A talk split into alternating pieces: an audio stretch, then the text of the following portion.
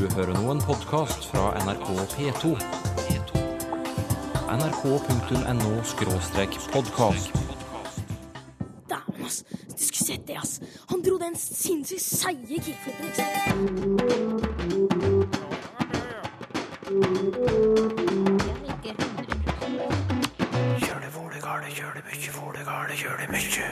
Noen av de faste uttrykkene vi har på bokmål, finnes ikke på nynorsk. For eksempel eh, 'der ligger hunden begravet'. Du vil ikke finne det i nynorskboka. Vestlandshovedstaden var en gang et av de gamle norske vinnavnene. Vi har Bergen, som er gammelt navn på vin. Bergvin eller bjørgvin. Og menneskekroppen gir navn til landskapet. Fjordarm, landtunge, fjellrygg, elvemunning. Et uttrykk du skal forklare i dag, Sylfus Lomheim. å slå på tråden. Ja, eh, hvordan har du tenkt å Altså de som kjenner til løypestrenger på Vestlandet. Aha. Da kunne de slå på tråden. Ja vel. Doing, sa det. Ok. Og om dette har med telefonering å gjøre, får vi høre litt senere. Går det an å glimre med sitt fravær på nynorsk? Eller bli smidd i hymens lenker? Det er ikke alle faste uttrykk som finnes i formell nynorsk. Margunn Rauseth ved Universitetet i Bergen undersøker hvordan slike vendinger eller idiomer er behandlet i ordbøker på nynorsk og bokmål, og har altså oppdaget store huller i nynorskordboka. Hva kommer det av, Margunn Rauseth?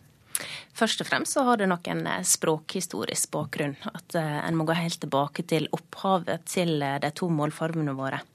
Der en i det som skulle utvikle seg til å bli bokmål, var, var opptatt av å bygge på dansk som en nervetråd, kan en si, til den europeiske skriftkulturen. Sånn at de en kan se at bokmål hele tida har hatt en sånn åpen innstilling til idiom og andre faste uttrykk. Men hva, hva har man hatt i, i nynorskleiren? Eh, I nynorsk, eh, i tradisjonell nynorsk så har en vært mer opptatt av å løfte fram det, det tradisjonelle ordtilfanget. At en skulle bygge på de vendingene og uttrykkene som eh, var levende i, i dialektene. Mm. Men hva er da problemet? Altså, hva kan grunnen være til at et fast uttrykk på bokmål ikke finnes i en nynorsk ordbok? Det er nyttig å, å gå omveien eh, om å se på de eh, frasene som er både i bokmål og nynorskordboka, for å se hvordan de er behandla, for å få et inntrykk av hva som er, er problemet. For det Selvfølgelig finnes det eh, eksempel på at frasene er identiske. Snu på flisa. Det er noe sånn i begge målformer. Men eh, i materialet mitt så ser jeg at det, det er fire hovedtyper av forskjeller. De to største gruppene er ikke så veldig interessante i min sammenheng. Det er ortografiske forskjeller, rett og slett bare at det, det er ulik rettskriving. At det heter auge for auge versus øye for øye. Eh, Og morfologiske forskjeller, rett og slett bare at en følger rettskrivningsreglene og bøyer ord ulikt. Ja. Men det som er interessant i min sammenheng, er jo det som har med syntaktiske forskjeller å gjøre. At det er ulikheter i, eh, i ordstilling. Der ser vi f.eks. at nynorskboka skriver 'være augesteinen til faren', altså med et preposisjonsuttrykk, der bokmålsboka bruker s-genitiv 'være farens øyensten'. Og det er et sånn tilbakevendende tema med s-genitiven, eh, hvordan de behandler den i nynorskboka. En løsning er at de f.eks. skriver bruker apostelhestene, altså med samskriving, eh, i stedet for apostlenes hester. Eh, Men vi ser òg andre, andre ting, eh, som at nynorske nynorskboka skriver 'vende ryggen til ein', der en i bokmål har 'vende den ryggen'. Eh, Det som kanskje er enda mer interessant, er de leksikalske forskjellene. Der en har ord som av en eller annen grunn blir oppfatta som problematiske på nynorsk, og en gjør forsøk på å erstatte den med synonym. Så en har laga et uttrykk, eh, 'ta oksen ved hårna, der det parallelt på bokmål står 'ta tyren ved horna'. Og jeg vil jo tro at det er det de aller fleste bruker, uavhengig av, av målform. Men, men er det slik at eh, enkelte eh, faste uttrykk som vi finner på bokmål, ikke blir oversatt engang? For her har jo du eksempler på at man har forsøkt å oversette dem, da. Mm. Men er det, er det uttrykk som rett og slett ikke finnes, sånn rent formelt? Ja, og det, det handler jo ofte om det samme som jeg var inne på med at, eh, at det er forskjeller på det leksikalske nivået. At en i bokmål har et ord som får, som selvfølgelig er importord fra dansk, eh, som en ikke på samme måte har tatt inn i nynorsk rettskriving som enkeltstående ord. Mens det er akseptert i samme setninger, bl.a. fårepølse og fårehund. Og dermed skulle en jo tro kanskje at nynorskboka ville akseptere et uttrykk som være en ulv i fåreklé, Ja. eller fåreklede. Ja. Men der har vi jo et eh, eksempel på ei, ei omskriving som er være en ulv i saueham, som er jo flott nynorsk. Eh, Spørsmålet er bare om det, om det blir brukt. ja, det var det. Men har du flere eksempler på ja, at ordene er eh, forskjellige, og dermed så blir det liksom en helt annen historie? Ja, for eksempel eh, 'Der ligger hunden begravet'. Der vil jo en del si at ja, men det må jo være helt uproblematisk å si 'der ligger hunden nedgraven'.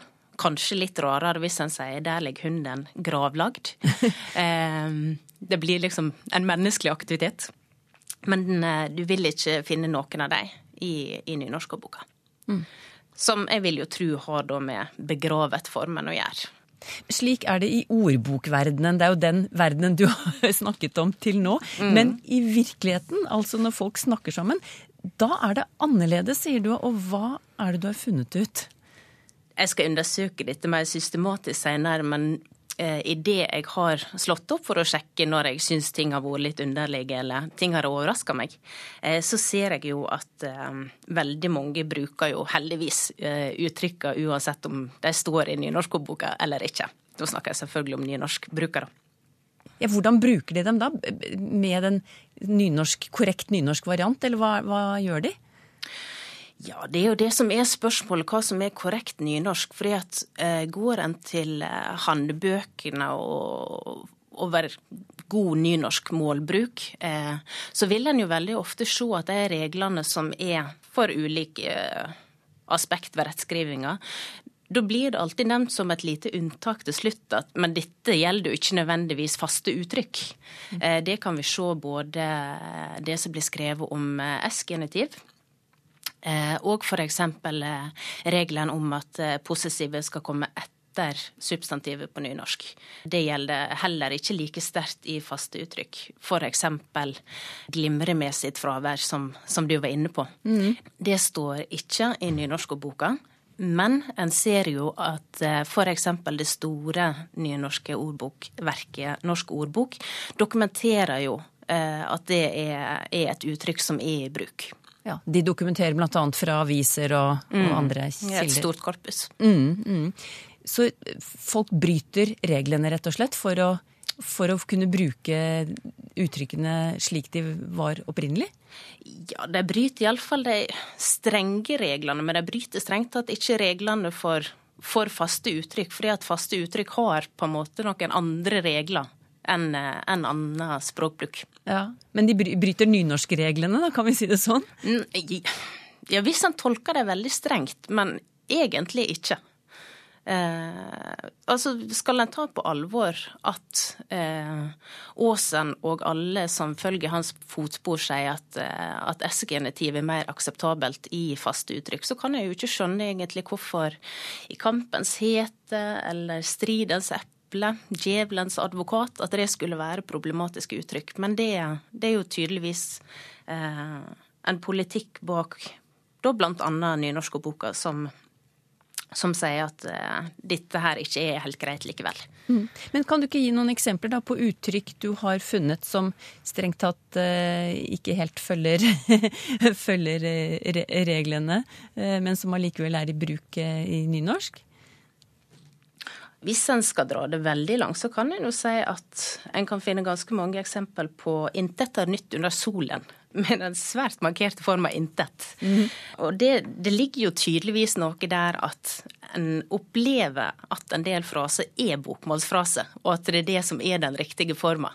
Vi ser jo òg at eh, ganske mange eh, nynorskbrukere bruker sånne fraser som de tydeligvis har en formening om er problematiske, at de bruker dem likevel, men setter dem i hermetegn. Det er en ganske vanlig strategi. Eh, I sitt ansikt sved. svært markert bokmålsform der, eh, med sved, som egentlig betyr jo svette, kan brukes, eh, men da ofte i hermetegn, eller at brukerne på en eller annen måte problematiserer eh, bruken av det parallelt. da. Mm. Men du, dette at nynorskbrukere adopterer bokmål, faste uttrykket på bokmål og lemper litt på, på normen da, for å kunne bruke dem, hva, hva forteller det deg? Det forteller meg jo annet at norsk er ett språk. At eh, vi eh, låner på tvers av målformen, og at folk opplever at eh, det er naturlig. Og jeg tror jo sånn generelt at vi bruker uttrykk fordi vi, vi liker dem, og vi har bruk for dem. Og da er det egentlig ikke så farlig om en, de er bokmålske eller nynorske. Vi har bruk for de faste uttrykkene uansett målform, sa Margunn Rauseth ved Universitetet i Bergen. Hun skriver doktoravhandling om faste uttrykk i bokmål og nynorsk.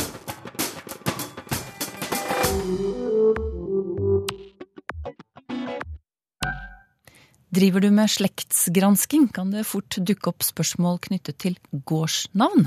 Det er tilfellet for Berit Holmen, som har oppdaget at flere gårdsnavn i Aker i Oslo ender på en. For eksempel Holmen, som også er Berits etternavn. Hvor kommer denne en-endelsen fra, spør Berit Holmen. Hun lurer på om vi kanskje må 1000 år tilbake i tid, til ordet vin. Ja, må vi det, navnegransker Inge Særheim? Ja, minst, minst 1000 år tilbake i tid. Her har vi ending og vin. Det går fram av den eldste skrivemåten, som er fra 1315. Så da står det A. Holmin. Så, så det viser at det er ordet vin som er første ledd. Ellers finner en selvsagt Holmen mange plasser, og da er det bestemt form av ordet holme. Men i dette tilfellet er det altså et vinnavn. Ja, Hva er det med dette vin, og, og at det kan bli en? Det må ja, du forklare. Vin er et, eh, et, ord som ikke er som en ikke finner i den norrøne litteraturen. så derfor, Det har eksistert i språket, men, men det er ikke nevnt, er ikke brukt i den norrøne litteraturen. Men vi vet det har funnes, og vi finner det i, eh, i språk som er i slekt, f.eks. gotisk, der det heter vinja og betyr beitemark. Så vin i eh, norske gardsnavn, det finnes i ca. 1000 norske gardsnavn, er brukt om natureng, beiteeng. Og disse navnene er godt spredde rundt om i landet, og med ganske sterk konsentrasjon nettopp i Aker, men òg på Voss. Mm. Men, men, at vin blir til en, som i Holmen, eh, hvordan forklarer du det? Ja, da, da, det, da har endinga blitt korta ned. Eh, og det har skjedd i de aller fleste vinnavnene. Og EN er en vanlig ending i nettopp Aker-området og Oslo-området. Der finner en navn som Disen, Tåsen, Skøyen, Grefsen, Vindern, Blindern, Ullern, Lindern. Noen av disse skriver en RN, men tidligere så var det, ofte, var det gjerne skrevet med EREN. Ja. Altså Holmen het Holmvin før det, altså? Ja. ja. Men, men, hvorfor eh, Jeg har ennå ikke helt forstått hvorfor vin blir til én? Altså Du sier det blir kortet ned, men Ja, det står jo som, som siste ledd, og da er det mindre trykk på, på det ordet. Så i språkutviklinga så er det slik da at, en, at V-en faller ofte vekk, og en kan være hallen ved lag, eller kan ha blitt til i i noen navn, og n-en har òg fallet, fallet, vekk. Så vi kan se ulike endinger i disse navnene. Vi kan ta, ta noen eksempel. Grini, for eksempel. Første leddet der har med gran å gjøre. Det er et vinnavn. Og Deli er et navn på vin. Har med dal å gjøre. Reime, der er endinga e. Og vi har Bryn. Det har med bru å gjøre, så der er det bare N-en som er hallen. Sandvenn, der det er VEN. Vi har Bergen, som er gammelt navn på vin. Bergvin eller bjørgvin. Og vi har eksempel granvin, der vi ser hele endinga. Så vin har med andre ord blitt kortet ned på ulike måter. På ulike måter Ja. i dialektene. Ja. Du, disse vinnavnene, da. Opprinnelige vinnavnene. Når, er det de, når dukker de opp i Norge? Ja, de er veldig gamle, så vi må regne med at de, de kommer i bruk i, rett etter Kristi fødsel. I, I de første hundre år etter Kristi fødsel. Og at en har brukt disse navnene fram til vikingtida. Uh, vi finner ikke gardsnavn med vinending i de områder der nordmennene slo seg ned i vikingtida, altså vest i, på øyene vest i havet. Men en finner det som, faktisk som natur, i naturnavn på Shetland og Orknøyene, som tyder på at ordet var kjent i, i vikingtida. Har de noe til felles, bortsett fra navnet, disse vinstedene? Ja, det der er en god del vi kan si om de. Det er ikke kristne nevne, eller personene for eksempel, som kom med kristendommen, finner en ikke som første ledd. Men det er en god del minner om førkristen kult. Hovin, for eksempel ordet hov, gudehov. Disen, som er sånn kvinnelige guddom. Ullern, antagelig guden Ull.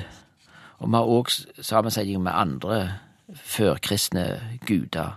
Vi har navnet Løken og Løke, som er leikevin, som da sikter til en gammel eh, plass i, i, eh, i ei bygd der de har hatt eh, forskjellige tevlinger og, og seremonier, antagelig i samband med tidligere gudedyrking. Så det tyder også på at det er, det gamle, veldig gamle navn. Sa navnegransker Inge Særheim ved Universitetet i Stavanger. Og stedsnavn kan gjerne bli oppkalt etter formasjoner i naturen. Det har Inge Særheim fortalt om mange ganger tidligere. Men formasjoner i naturen kan også bli oppkalt etter menneskekroppen, eksempel. Slik tenker vi kanskje ikke særlig over. Det gjør derimot disse to. Jeg er eh, ganske glad i ordet side. Kristin Fridtun og Jan de Caprona. Hjertet liker jeg godt. Begge har skrevet bøker om ord, og annet tatt for seg hvordan vi mennesker bruker kroppen for å beskrive omgivelsene våre. Vi har uh, ting som vi har laga sjøl, som storrygg og bolben, flaskehals.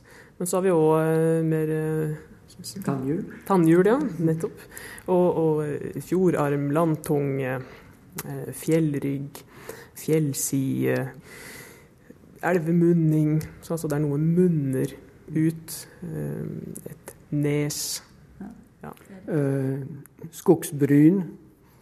Eh, vi har også kyst, fra latin costa, som betyr egentlig ribbein. Og, og ribbein har også på norsk gitt rev.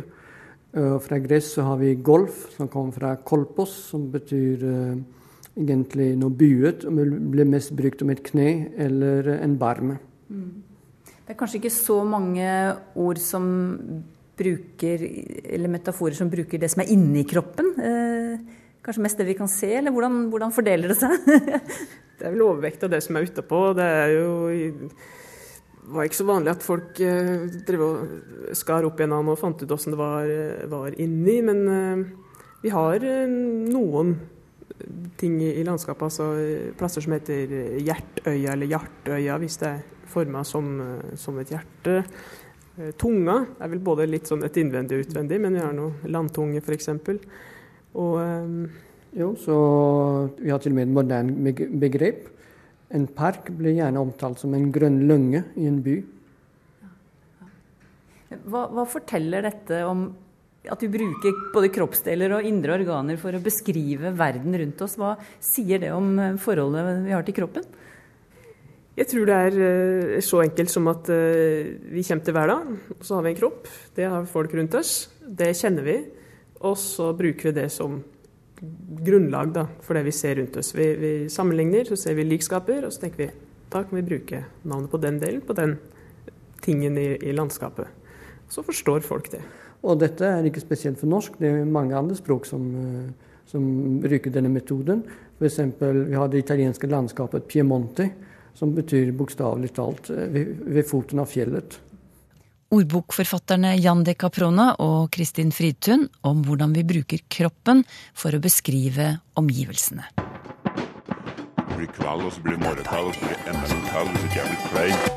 Over til dagens lytterspørsmål, Sylfes Lomheim. Det første om telefonering. Og det kommer fra en som ikke vil ha navnet sitt på radioen, men altså. Hvorfor heter det å slå på tråden?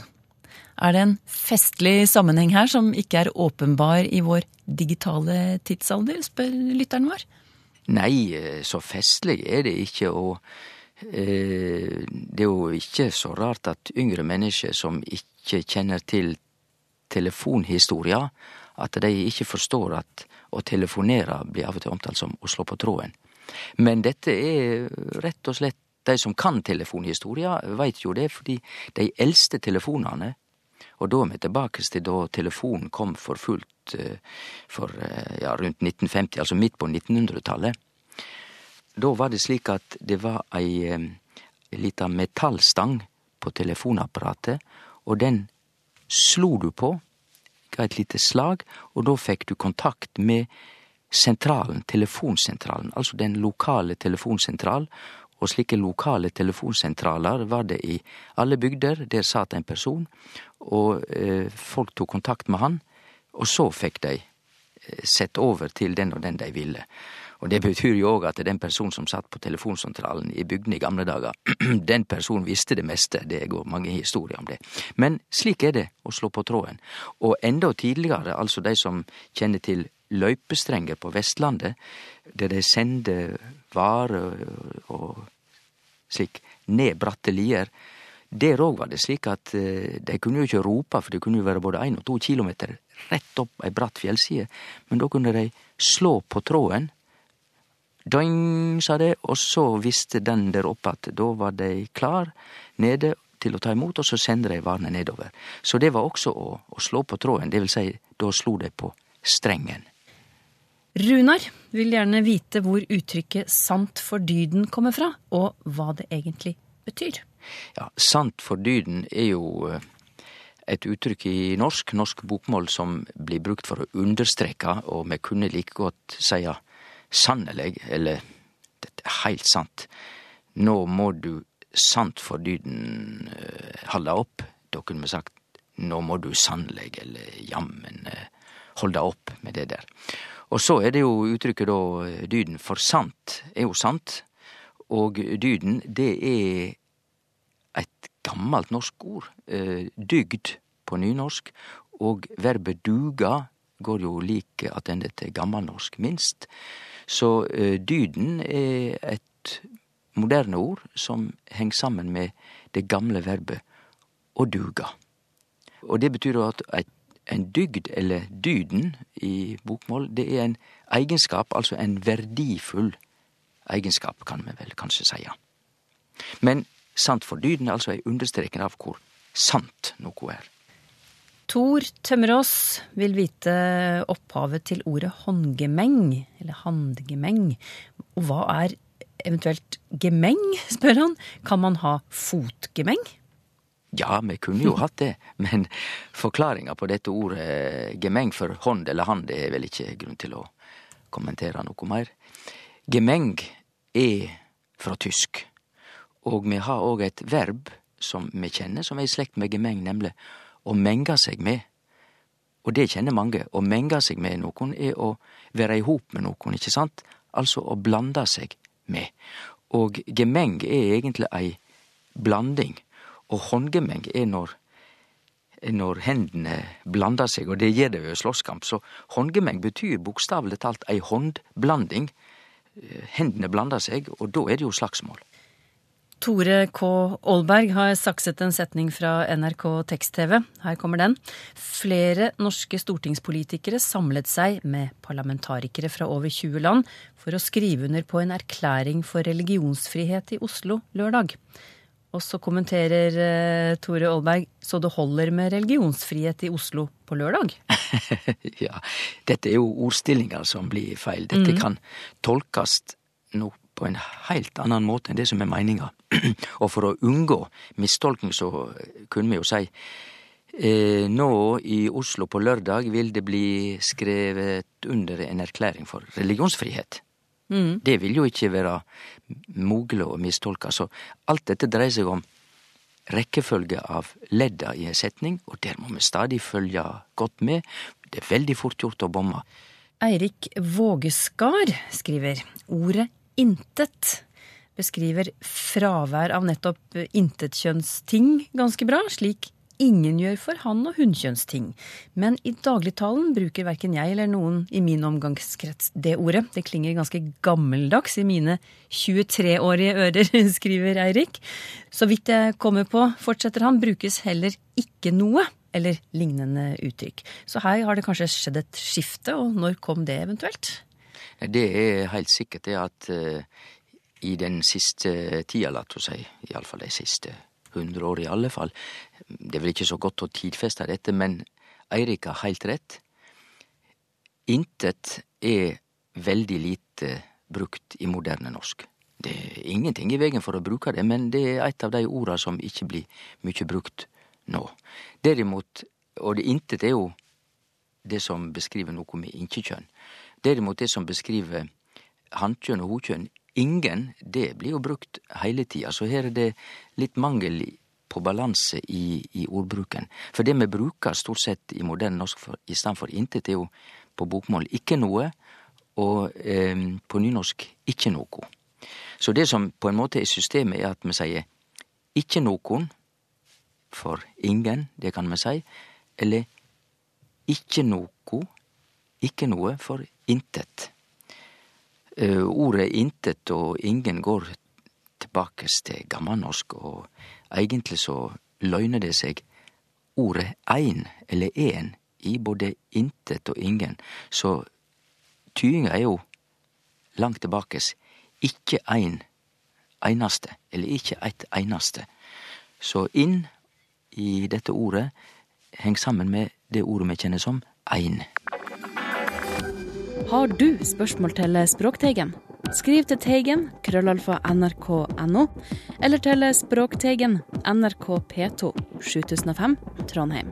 Så finner du oss også på Twitter og på Facebook.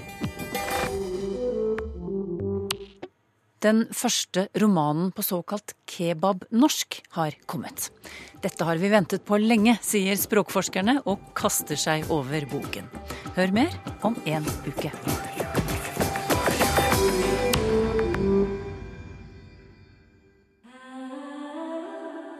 nrk.no podkast.